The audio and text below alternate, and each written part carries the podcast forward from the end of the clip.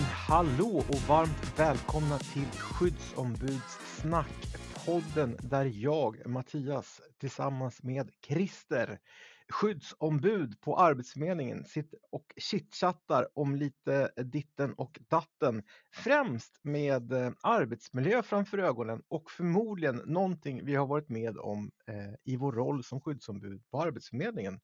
Skulle du hålla med om den beskrivningen, Christer? Jag håller med om den beskrivningen och eh, vad klart och tydligt du artikulerar Mattias. Ja men tack! Jag har, ja. Eh, jag har tagit eh, språklektioner. Kommer du fortsätta så hela den här podden igenom? Nej, nej, nej. nej. nu känner jag kraven på mig att vara tydlig och klar i mitt Ja, men du, jag kan alltid uppfatta dig när vi pratar i podden som att, och du är ju väldigt vältalig. Du, jag tänker inte att du vårdar dina ord, men du Nej. är noga med vilka ord du använder för att du vet vilken betydelse de kan ha. Ja, jag smakar på dem innan. Ja, och det går ja. fort och det blir yes. rätt. Ja. Du, här sitter du och jag chitchattar, eh, men vi har ju tänkt prata om någonting idag. Mm. Om du skulle beskriva det vi ska prata om idag, hur skulle du mm. beskriva det?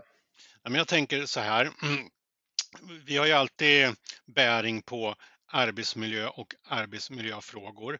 Men vi trillar ju ner i verksamhet. Det är där ur eh, arbetsmiljöupplevelsen kommer ur verksamhet. Och en verksamhet då, ja men det bedriver man ju oftast utifrån en plan. Då har man alltså en verksamhetsplan, man har en plan för sin verksamhet.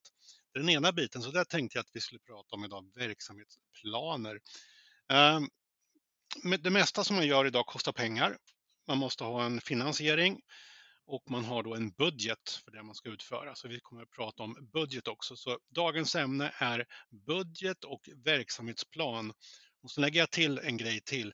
Balanserad budget och balanserad verksamhetsplan. Det hade jag tänkt att vi skulle prata lite grann om. Mm. Men du, då kastar vi oss direkt eh, på ämnet. Mm. Jag tänker just det där eh, balans, det är ju någonting man liksom vill uppnå någonstans tror jag. Det är mm. balans i livet, balans på arbetet, balans i fritiden, balans i familjen. Alltså, det, du vet, balans är ju ett slitet uttryck men ack mm. så viktigt. Därför att det är ju det mycket, mycket bygger på, tänker jag. Alltså mm. att skapa balans. Mm. Absolut.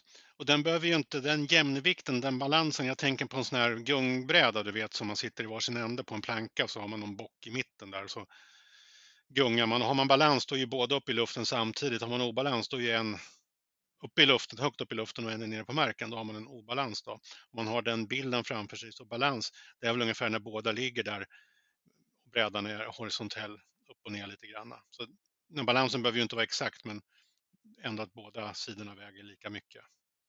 Nej, eh, precis och på, kanske på ett sätt ett, ett sidospår men eh, Dan Hasson, eh, personen som tillsammans med Healthwatch har eh, verktyget eh, medarbetarpulsen på Arbetsförmedlingen som är den psykosociala skyddsronden. Så han har vi haft en del att göra med. Han var med på Nyhetsmorgon häromdagen och då konstaterade han tillsammans med sin kollega att Eh, hög arbetsbelastning behöver per automatik inte vara någonting dåligt utan så länge man är nöjd med det och, kan hantera det så är det helt okej okay att ha hög arbetsbelastning. Och apropå då det här med balans och att det ska vara relativt lika, absolut. Men, men allt tänker jag också är beroende på liksom, vilka andra förutsättningar som finns runt omkring och det är det vi i mångt och mycket kommer att prata om idag, alltså apropå budget och verksamhetsplan. Mm. Så de, bägge de där två sakerna kan ju vara låga, höga, mycket, lite. Men så länge de är i balans och harmoniserar varandra så, så, mm. så funkar det ju. Absolut, jag, jag har fortfarande, och när du säger så Mattias, så har jag fortfarande den här bilden av den här gungan, den här brädan på, på den här bocken när man sitter i varsin ände och gungar upp och ner. Uh, och eh, det, det, roliga är ju när man far upp och ner, alltså när man, när man skapar den här obalansen, när man är lika mycket uppe som nere, så där ändå uppstår någon slags balans. Det är ju det här, det är inte roligt när man gjorde det där och no, någon lyckades trycka ner den här gungbrädan, att den personen satt längst ner mot marken och jag satt där uppe alldeles för länge. Då, då var det obalans alldeles för länge, då är det inte roligt längre. Så det, det är när det är obalans för länge som, som det blir tråkigt och till och med kanske en arbetsmiljörisk.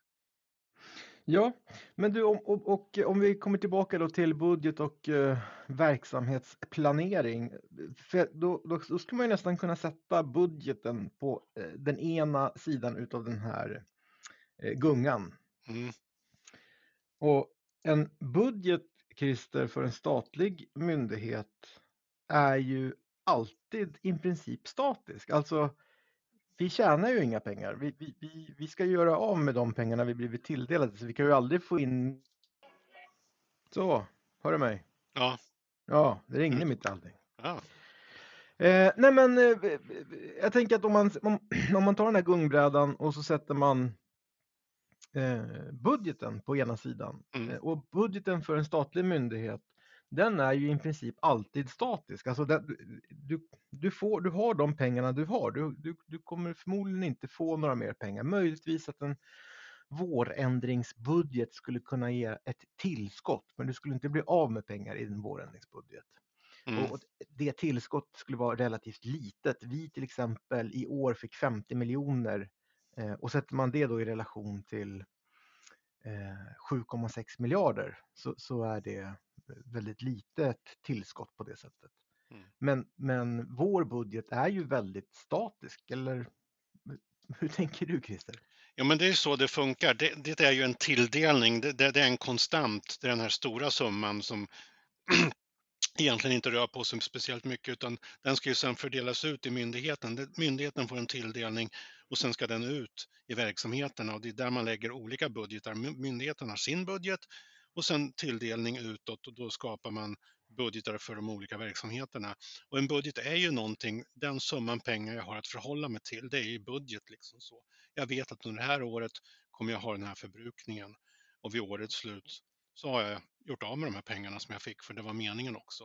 Och det här är ju en rätt så statisk summa. Vi vet vad vi får och sen bestämmer vi oss för hur vi ska förbruka den under året. Då. Och precis som du säger Mattias, när man blir tilldelad på det här sättet så är det ju svårt att budgetera in nya pengar som man inte känner till. Hade man varit en vinstdrivande verksamhet så kan man ju budgetera in vinsten också, den beräknade vinsten. Men så funkar det ju inte i en offentlig förvaltning. Utan man får ju förhålla sig till den ursprungliga tilldelningen. Det är där man har att sätta ramarna kring, budgetramarna kring. Det, det, vi också har eh, att förhålla oss till när det kommer till budgeten det är att vi, vi får en indikation av politiken varje gång vi får en höstbudget så får vi en, en, jag tror att det är det på tre år vi får en översiktlig bild eller är det kanske till och med fyra år. Alltså att vi får um, 24, 25, 26, 27. Eller sträcker mm. till 26, 26 va? Törs inte säga om jag skulle tippa på tre år, men det, ja. jag kan ha fel. Mm. Och, och, där får vi ju ett, ett typ av liksom förväntat utfall. Vad är det vi kommer få tilldelat eh, under de här då tre åren? Och det som har hänt för Arbetsförmedlingens del är att vi under 2022 fick ungefär samma tilldelning för 2023. Något mindre, men inte kraftfullt mindre.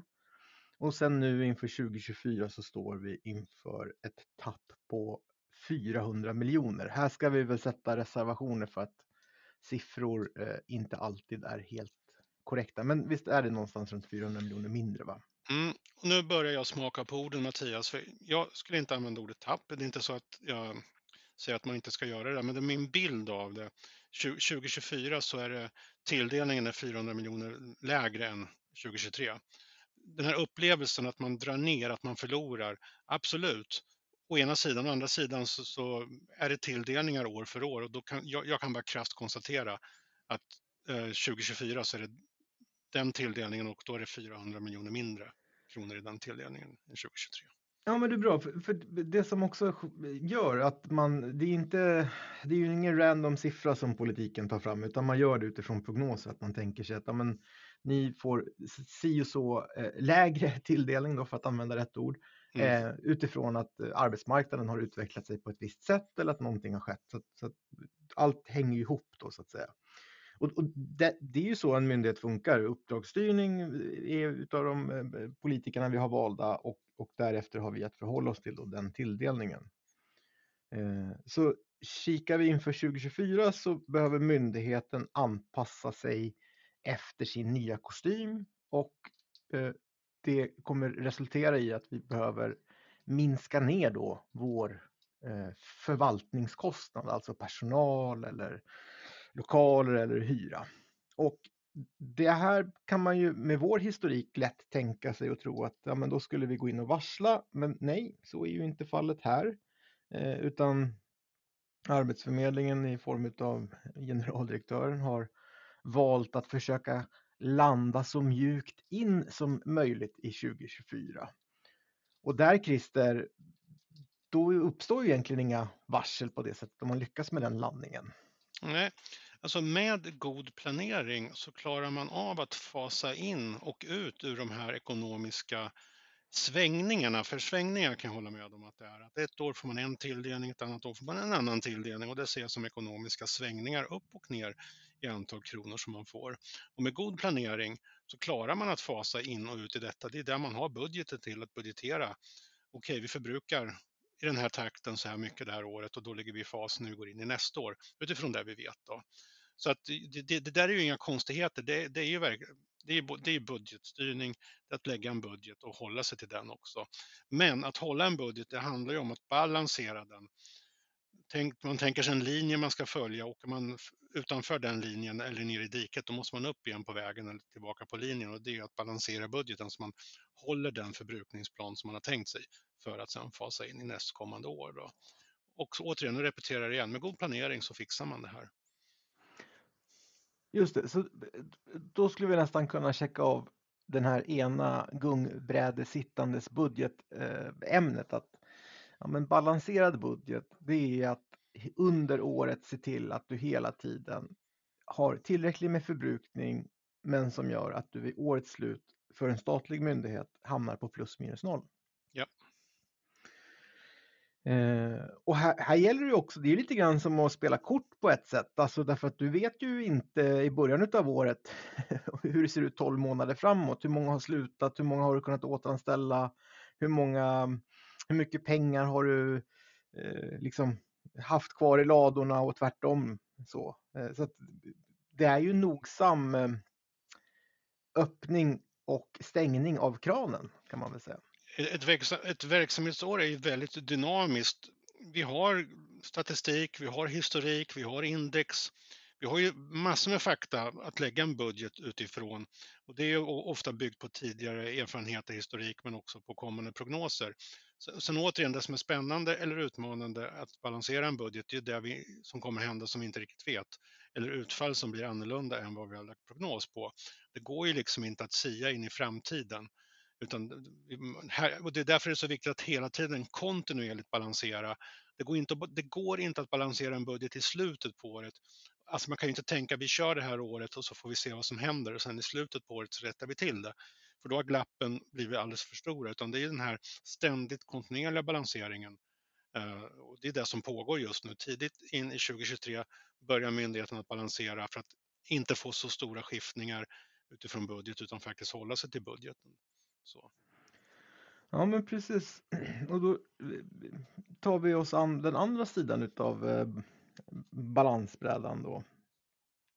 Och, och, och återigen, budgeten på, på den ena sidan den är väldigt statisk. Alltså det, det är en påse pengar som myndigheten har att fördela ut och få så god effekt som möjligt. Men för att kunna få den här effekten och kunna få kunna ens liksom på ett sätt då göra av med pengar, då måste man ha en styrning. Man måste ha någon som berättar vad är det vi ska göra för de här pengarna. Och det är där verksamhetsplaneringen kommer in då, Christer. Mm. Jag skulle vilja säga att alla företag, alla organisationer lägger ju en verksamhetsplan, en plan för sin verksamhet. Det är nödvändigt, för annars skulle företaget eller organisationen kunna bli vad som helst. Utan man har ju en affärsidé eller verksamhetsidé och myndigheten är väl mer en verksamhetsidé, vilken verksamhet ska vi driva och man bygger en plan efter den. Då. Eh, och den, det, det, är ju på uppdrag av eh, politiken. Då. Politiken ger myndigheten ett uppdrag, det här vill vi, det här förväntar vi, den, den här ambitionen har vi med arbetsmarknadspolitiken. Sen är det upp till myndigheten sen att skriva sin verksamhetsplan utifrån det. Men som vi sa tidigt i, i den här podden, driver man, driver man en verksamhet så kostar det pengar och då har man ju budgeten, alltså den här tilldelningen. Därför hör ju verksamhetsplan och budget nära samman. Det går inte att utesluta någon av dem när man arbetar med dem, utan man måste jobba med båda samtidigt. Orden som beskriver vad vi ska utföra och siffrorna som visar vad har vi för ekonomiska resurser att tillgodo. Budgeten i sig är ingen, är ingen eh, arbetsmiljörisk. Det, är, det, det skulle inte kunna uppstå några effekter av den här budgeten på ett sätt. Därför att arbetsmiljöriskerna kommer när den politiska ambitionen möter det eh, organisationen faktiskt kan utföra. Och det är ju mångt och mycket så för en myndighet att politiken har ju en ambition, en politisk ambition. Hit vill vi. Det här vill vi med vår politik. Det här vill vi att myndigheten ska utföra. Och så ska man möta upp det då med medarbetare som är anställda för att utföra saker. Och där kan det uppstå glapp, det kan uppstå otydlig styrning, det kan uppstå oklarheter i, i ja, men vad är det vi faktiskt då ska göra för pengarna. Ehm, så den här verksamhetsplanen blir ju på ett sätt väldigt central för att också kunna balansera eh, arbetsmiljöriskerna. Ja, jag tänker att den är väldigt viktig att eh, att, att beskriva, okej, okay, då, då, då ändrar vi den här målsättningen, då prioriterar vi det här och då vi nedprioriterar det här. Och att det blir tydligt i organisationen också. Så att alla, alla medarbetare känner sig trygga med att okej, okay, vi har en verksamhetsplan som är anpassad och realistisk. Den är anpassad efter den budgettilldelningen vi har. Vi har resurser att klara av det här. Du, vi har ju varit med 2019, Christer, då vi ehm, då vi fick ett, ett, en, en kraftigt reducerad budget men med ganska höga bibehållna krav och där vi var lite fundersamma kring hur, hur tänker politiken här? Det här går ju inte att utföra med de resurserna vi har tillgängliga. Och, och vi fick ju kraftigt ändra verksamhetsplanen då under de förutsättningarna budgeten gav oss. Men tittar man till exempel på en kommun eller en, ett, ett landsting som är politikerstyrt så där har ju faktiskt eh, politikerna eh, det högsta arbetsmiljöansvaret. Alltså i, mm. i en kommunnämnd, där har politikerna arbetsmiljöansvaret. Men så är det ju inte på riksdagsnivå. Nej, Den, eh, politiken kan ge uppdraget, det här, det här ska utföras och sen ger de pengapåsen. Eh, och där politiker, politiker kan inte ställas till svars om det är en obalans i den tilldelningen. Det, det ansvaret ligger inte på politikerna. Och det blir ju ibland i alla fall kan jag uppleva lite halvknepigt därför att då skulle man ju som politiker kunna be om vad sjutton som helst utav en myndighet utan att det är rimligt med tanke på vilka budgetförutsättningar de har fått. Ja. Så den här balanseringen som vi har som tema idag på den vänster, den blir ju otroligt central för ledningen att kunna hantera. Men du, jag tänker Christer, utifrån där myndigheten står här och nu, hur skulle du beskriva balanseringen? Nu är ju myndigheten mitt uppe i balanseringen. Eh, men man sitter ju och räknar på en kanske reviderad budget eh, och sen vet jag också att man jobbar med verksamhetsplanen då och att den också då ska komma reviderad. Så att ja, det är ju där vi står någonstans på, ur ett myndighetsperspektiv. Då. Sen har vi ju hela linjen ut till utförandet, den operativa delen. Eh, och det är lika viktigt att man i alla delar tittar på vart står vi idag någonstans. Eh, så att man, arbetsmiljökravet är ju att det ska alltid vara balans mellan krav och resurser oavsett någonting annat. Om jag bara får slänga in det arbetsmiljöperspektivet också. Så det, får, det får ju aldrig uppstå en obalans som är eh, ohälsosam. Och, och, och, det är väl det här den stora utmaningen för oss kommer komma in därför att du och jag skulle kunna uppleva att på helheten så är det balanserat men mm. det skulle absolut kunna finnas ställen, arbetsplatser, enheter eh, inom den operativa delen som framöver eller kanske redan nu upplever att de har en obalans. Mm.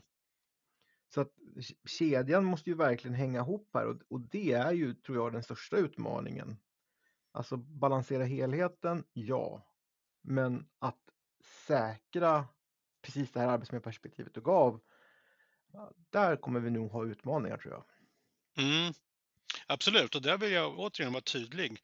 Eh, för arbetsmiljöarbete och att eh, jobba med eh, förebyggande insatser och sätta åtgärder på sånt som har gått snett. Det ska ju ske alltid i en verksamhet oavsett någonting annat. Så. Eh, sen kan man ju inte alltid trolla med knäna och få fram hur mycket pengar som helst till arbetsmiljöförbättringar. Men eh, arbetsmiljölagen är ju tydlig där. Det, det, är förbjudet att driva en verksamhet som är ohälsosam eller som kan orsaka medarbetare skada. Så det måste man ha med sig in i det här, eh, alltid, oavsett någonting annat. Jo, men, men, jag... men, men, men, men det, jag säger också nyanserat. Jag, jag vill att det ska vara en nyanserad debatt kring det. Ja, precis. Och jag tänker framför allt det du och jag stöter på allt som oftast det är just upplevelsen av hög arbetsbelastning och, och, i vårt fall är det nästan alltid eh, målstyrningen, alltså att man ska hinna med ett x antal beslut eller att man ska hinna med att ta x antal kunder eller att man ska hinna med en deadline eller vad det än skulle kunna vara. Det är väldigt sällan lastbilen går om tio timmar och ni ska ha hunnit lasta på x antal. Det är i och för sig också en målstyrning, men, men här finns det stora utrymmen för en chef att balansera det lokalt. Alltså, och det är ju den balanseringen man måste få att gå ihop. Liksom. Mm. Det går för en chef idag att säga, nej men hörru du Christer, du, du, du tar det lugnt. Du, jag vet att du har si och så många ärenden på ditt bord, men jag vill att du bara gör det här. Mm. Det, är, det är fullt rimligt för en chef att uttrycka sig på det viset. Men där, det, det är ju där vi ibland inte riktigt når kanske hela vägen fram i styrkedjan. Att den effekten uppstår. Nej, på samma sätt som du och jag så här långt i, den här, i det här poddavsnittet har pratat väldigt mycket ur, ur myndighetsnivå och hur viktigt det är att kontinuerligt balansera både budget och VP, så är det minst lika viktigt då i den operativa delen, precis som du säger Mattias, att chef och medarbetare har ständiga dialoger. Jag tror det blir än viktigare från och med nu att man har de kontinuerliga dialogerna, chef-medarbetare, alltså chef och medarbetare på APT, pratar mycket verksamhet, kunna styra, ställa om, ändra, justera hela tiden för att det ska uppehålla den här balansen på den här gungbrädan så, så det inte blir övervikt åt ett håll alldeles för länge. Och sen också eh, det enskilda samtalet mellan medarbetare och chef om det behövs. Att en medarbetare känner jag kan gå till chefen om det känns att nu har jag fått för mycket obalans alldeles för länge. Det här, det här mår inte jag bra av. Prata med chefen då. En stor utmaning för våra sektionschefer och enhetschefer, absolut. Eh, så här får vi alla tillsammans kavla upp ärmarna för att klara av det här, att hela tiden balansera vår verksamhet. Jag, jag, tänker också på ett verktyg som ska nämnas i sammanhanget eh, som vi använder oss ut, utav. Eh, det är ju faktiskt riskbedömning. Eh, för när du och jag tittar på ja, men 2023 års verksamhetsplan till exempel.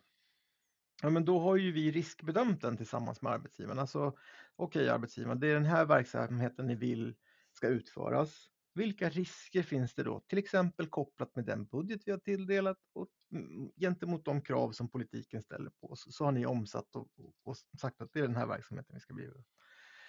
Ja, men då har ju vi eh, riskbedömt det och det, det, har man gjort på alla nivåer. Så den här är ju någonting man, den, det verktyget är ju någon man behöver liksom plocka fram på nytt och, och, och, och, eh, och man kanske revidera eh, när man ser att okej, okay, vi, vi når inte upp APT-snacket gav att men många känner att det är ett högt tryck nu.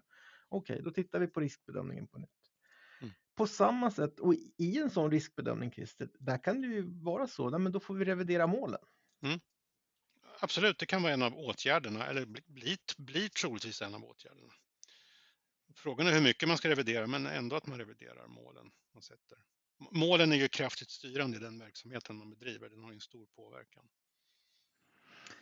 Vi börjar närma oss slutet, men om vi pratar eh, balans och ehm, eh, arbetsmiljö. Christer, utifrån ditt perspektiv, finns det någonting annat, någon annan vinkel som vi inte har nämnt eller vridit på? Ja, men jag skulle vilja skicka in två verktyg till Mattias. Du skickar med verktyget riskbedömning. Och nu, nu är vi i den operativa delen så att säga, så man känner att man har en obalans har legat i den alldeles för länge. Sjuktalen stiger och vi vet inte riktigt vad vi ska göra. Du, du, du har pratat om riskbedömning. Jag skulle vilja skicka in och påminna om företagshälsan. Ta in dem, hjälp till för, för att titta på vad det är som händer på vår arbetsplats. Varför ökar sjukskrivningarna? Varför börjar stämningen gå ner på jobbet och varför hittar vi inga lösningar? Företagshälsan. Men också Partsrådet, de har också bra program för sådana här eh, saker, att kunna titta på hur, man skapar eh, balans mellan krav och resurser och hur man får ner sjuktal och eh, en god stämning på jobbet. Så att, då har vi tre, tre verktyg vi skickar med, riskbedömning, företagshälsan och Partsrådet. Ja, och, och jag tycker också det fjärde och kanske eh, podd, det här poddavsnittets tema, det är ju att också balansera styrningen. Det är kanske det främsta, främsta verktyget man lokalt kan göra, att, att eh, hela tiden hitta den här balansen, sträva efter att ha en balans i sin styrning så att det blir rätt, det, det landar rätt. Jag tänkte på partsrådet, det kan man ju bara nämna i sammanhanget. Det är ju eh, eh, den statliga sektorns motsvarighet till Prevent va? Mm, ja, så kan man se det. Och det är ett samarbete då mellan parterna. Parterna i det här fallet då är ju arbetsgivarorganisationer och eh, fackliga organisationer på central nivå då, som samarbetar kring det här. Precis, och har ni inte upptäckt partsrådet innan så googla gärna på det så kommer ni, det finns väldigt mycket material som ligger ute där också som man kan använda sig utav oavsett vad man tillhör för någonting. Men du Christer, med de orden sagda och eh, fyra verktyg inskickade, balanserade vi upp den här podden tycker du? Jag tycker vi balanserade upp den Mattias, absolut. Jag känner att jag har benen i luften någorlunda i alla fall. Ja, toppen. Du, då säger vi tack för idag. Tack så mycket.